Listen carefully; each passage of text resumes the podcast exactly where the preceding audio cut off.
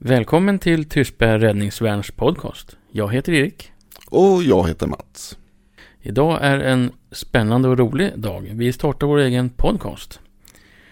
Och i podcasten kommer vi prata om olika ämnen där du ska kunna förebygga och hantera olyckor och kriser. Och väcka intresse och förståelse för olyckor och händelser. Och podden är i samverkan med förbundet Sveriges frivilliga brandkårer och Myndigheten för samhällsskydd och beredskap. Idag kommer vårt ämne att vara trafik och lite senare i de andra poddarna kommer vi att även att bjuda in lite gäster. Och vi börjar med beredskap i bilen. Vad du ska ha i bilen. Vad vi rekommenderar och vad du bör ha i din bil. Och eh, vi rekommenderar först en reflexväst.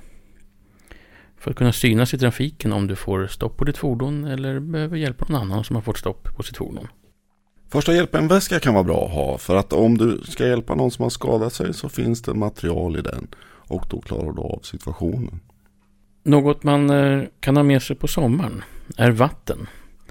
Får du stopp på ditt fordon en längre tid så kan du bli väldigt törstig och kan krävas mycket vatten. Och på vintern kan du ha varma kläder med dig. Handskar, mössa, en jacka. Så att du klarar dig även i kylan.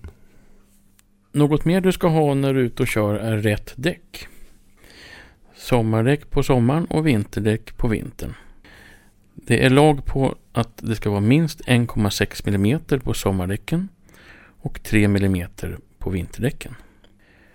Kolla gärna mönsterdjupet regelbundet. Exempelvis när du tankar eller byter mellan sommar och vinterdäck. Eller vinter till sommardäck. Orsaken till en trafikolycka kan vara att man får vattenplaning, solen står lågt och det kan vara djur. Och på vintern så är det risk för ishalka och snömodd. Så det gäller att hålla avstånd till den framför och anpassa hastigheten så att man inte kör i diket. Sen i bilen ska man ha bilbälte för att skydda sig själv och sina medpassagerare. Däcken har även ett bäst före-datum. Är du osäker, kolla med din däckleverantör. Om du drabbats av en olycka ska du alltid ringa 112. SOS-operatören kommer att ställa en rad olika frågor, bland annat din position. Försök då ange så exakt som möjligt vart du befinner dig, så att de utlarmade resurserna snabbt hittar dig utan att behöva leta. Varna andra trafikanter genom att sätta på varningsblinkers och eventuellt ställa ut din varningstriangel. Tänk på din egen säkerhet om du går utanför bilen. Vägar med mycket trafik ökar din eh, risk att bli påkörd. Så ställ dig på andra sidan räcket för att vara så säker som möjligt. Om du kommer först fram till en trafikolycka så orientera dig vart du är någonstans. När du ringer 112 kommer de att ställa frågorna igen om din position och så vidare. Så det är bra om du vet vart du är. När du kommer fram så varna andra. Sätt på varningsblinkersen till att börja med. Och när du har tagit reda på hur de andra är, skadeläge och allting på de som är drabbade i olyckan så kan du ställa ut en varningstriangel lite längre bort om det går. Är det hög trafik på vägen, se till att så många ställer sig i säkerhet som kan. Kan de gå ut ur bilarna själva så ta med dem på andra sidan räcket.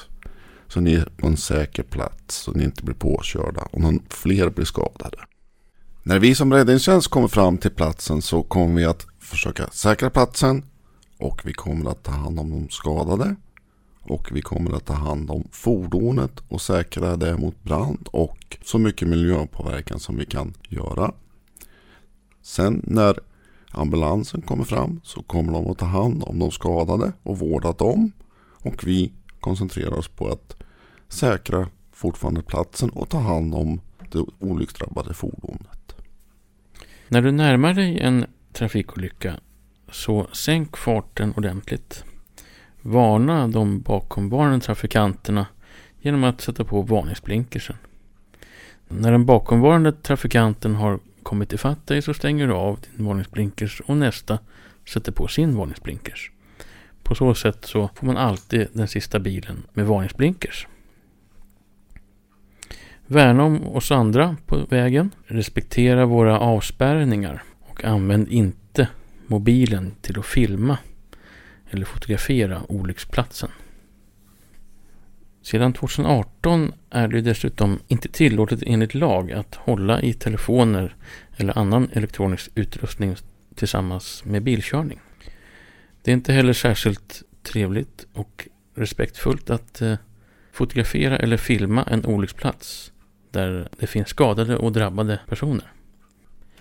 Skulle en eh, bild eller video komma ut på sociala medier som visar en drabbad människa vid en olycka som du dessutom inte vet hur pass drabbad den är så finns ju alltid risken att dess anhörig får se olyckan innan polisen har hunnit kontakta den anhörige.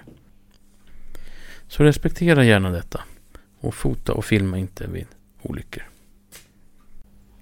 Fordonen nu för tiden är ju, blir ju säkrare och säkrare. Vi får fler gardiner, krockkuddar och grejer i bilarna. De varnar för mycket. Men du måste fortfarande tänka på att faktiskt hålla avståndet och hålla farten. Sänk farten om det är dåligt väglag. Tänk på det hela tiden. Sen de nya fordonen, elfordon, hybridbilar, gasbilar. De är ju en utveckling som går framåt hela tiden. Där vi kanske på räddningstjänsten inte riktigt hänger med. Att kunna hantera de här. Så att eh, vi får svårare och svårare med dem. Men vi lär oss så småningom så att vi kan hantera dem också. Men med vissa bilar så kommer det bli större avstängningar. Kanske längre fram. För att vi ska kunna säkra platsen. Trafikverket jobbar väldigt hårt med säkerheten på vägarna. De har en nollvision där noll antal döda ska uppnås. Och för att uppnå den så skapar de mer 2.1-vägar på de vägavsnitt där det varit mycket dödsolyckor. Genom 2.1-vägar så minimerar man risken till frontalkollision. Man reglerar även hastigheterna och på säkrare vägar höjer man hastigheten och på mindre säkra vägar sänker man hastigheten. Vi har tyvärr kommit till slutet av denna podd. Tack för att du lyssnade. Vi hoppas med det här avsnittet att du har fått mer vetskap och kunskap och kunna hantera en trafikolycka. Följ oss gärna på Facebook, Instagram och kika gärna på vår hemsida tystbergaradningsvarn.se. Missa inte nästa podd. Ta hand om er.